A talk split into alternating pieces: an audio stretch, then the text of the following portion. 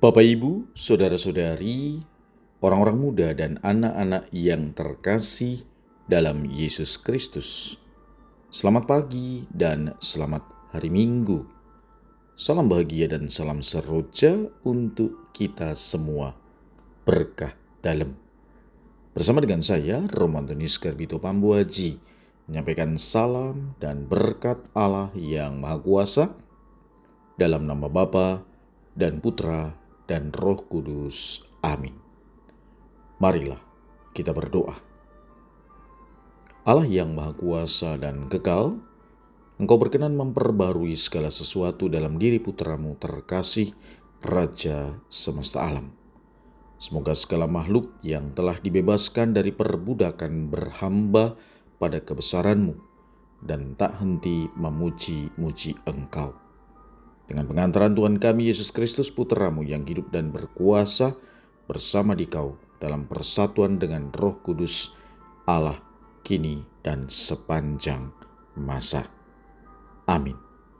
Hari ini Minggu 26 November kita merayakan Hari Raya Tuhan kita Yesus Kristus Raja Semesta Alam. Bacaan pertama dalam liturgi hari ini diambil dari Nubuat Yeskiel bab 34 ayat 11 sampai dengan 12 dilanjutkan 15 sampai dengan 17.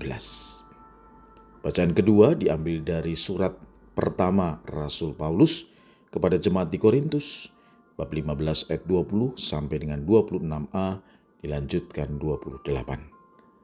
Dan bacaan Injil diambil dari Injil Matius bab 25 ayat 31 sampai dengan 46. Marilah kita mendengarkan Injil suci menurut Matius.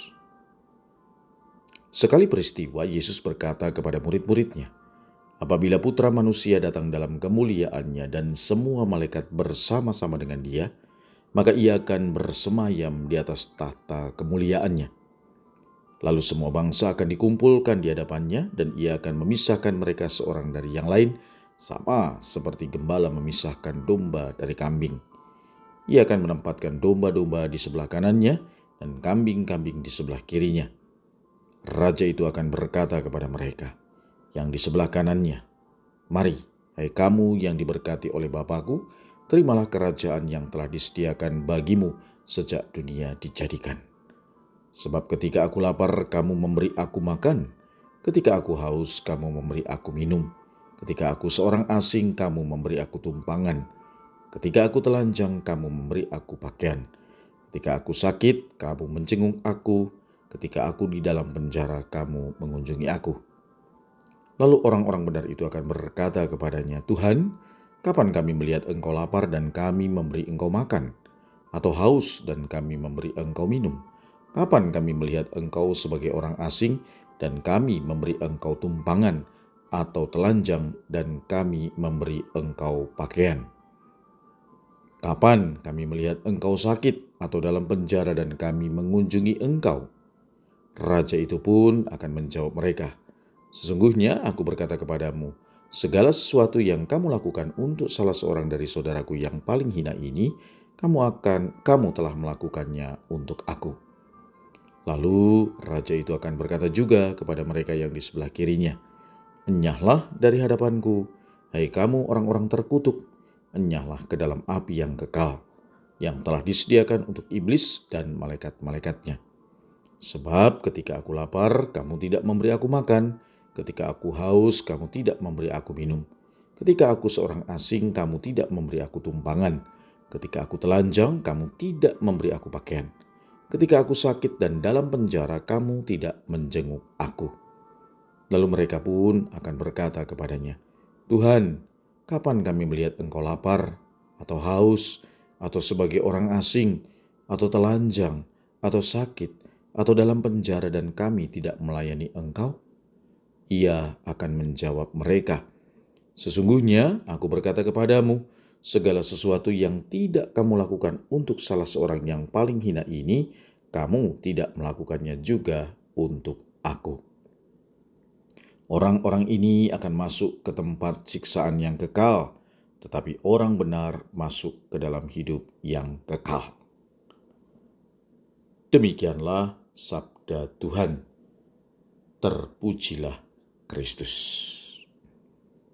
Saudara-saudari yang terkasih, pada hari raya Tuhan kita Yesus Kristus Raja semesta alam ini atau minggu terakhir sebelum kita memasuki tahun baru liturgi pada masa Advent yang pertama minggu depan, sabda Tuhan ketiganya saling berhubungan, berbicara tentang pribadi Yesus sebagai Raja semesta alam.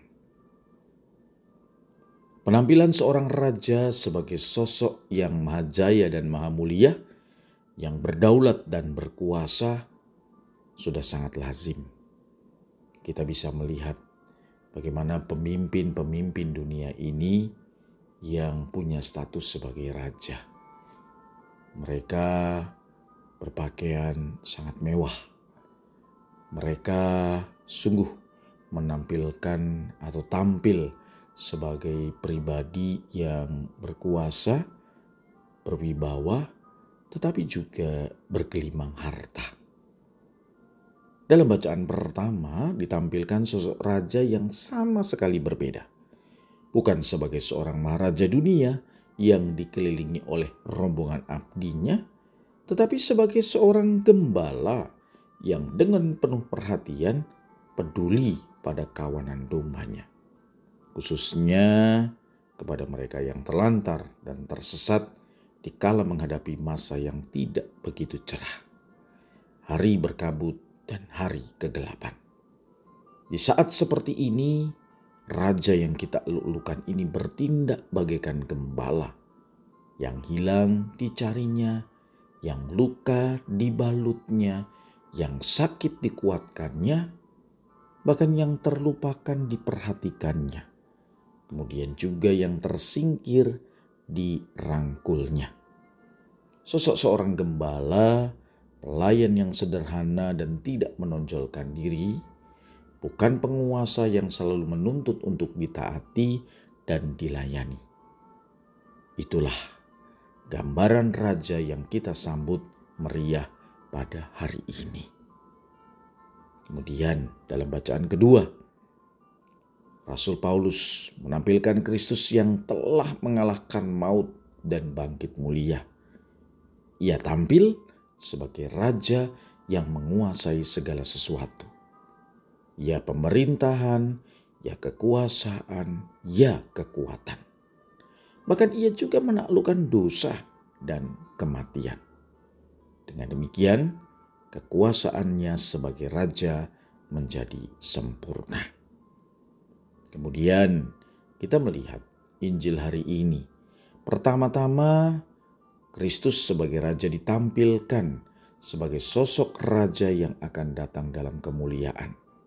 Dikelilingi semua malaikatnya dan bersemayam di atas tahta kemuliaannya yang menghimpun semua bangsa di hadapannya Lalu ia tampil sebagai hakim yang memisahkan mereka seorang dari seorang. Sama seperti seorang gembala memisahkan domba dari kambing. Tetapi raja yang mulia ini kemudian mengidentifikasikan diri dengan orang-orang kecil di dalam masyarakat. Mereka yang lapar, mereka yang haus, mereka yang asing, yang telanjang, yang sakit, yang meringkuk dalam penjara semua orang yang peduli pada kelompok marginal ini akan diikut sertakan dalam pemerintahan Raja Kristus. Terimalah kerajaan yang telah disediakan bagimu sejak dunia dijadikan. Nah, saudara-saudari yang terkasih, pertanyaan untuk kita: bagaimana kita menghayati diri kita? Orang yang dianggap layak ambil bagian dalam pemerintahan kerajaan Kristus adalah pribadi-pribadi yang bisa menangkap kehadiran Kristus dalam diri orang-orang sederhana yang disebut dalam Injil hari ini.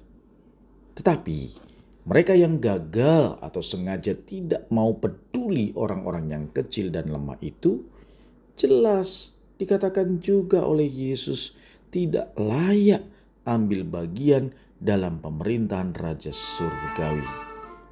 Bahkan mereka akan diusir. Enyahlah dari hadapanku, hai kamu orang-orang terkutuk. Enyahlah ke dalam api yang kekal yang telah sediakan untuk iblis dan malaikat-malaikatnya. Semoga masa ini menjadi saat di mana kita sungguh merefleksikan diri kita sepanjang tahun ini. Apakah kita tampil sebagai pribadi yang memperhatikan orang-orang yang digambarkan dalam Injil hari ini?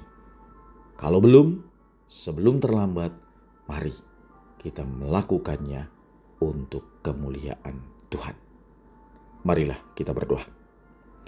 Ya Tuhan, kami telah menerima santapan suci lewat permenungan sabda. Semoga kami yang bangga menaati perintah Kristus Raja semesta alam diperkenankan menikmati hidup abadi dalam kerajaan surga bersama dia yang hidup dan berkuasa sepanjang segala masa. Berkat Allah yang Maha Kuasa, dalam nama Bapa dan Putra dan Roh Kudus. Amin.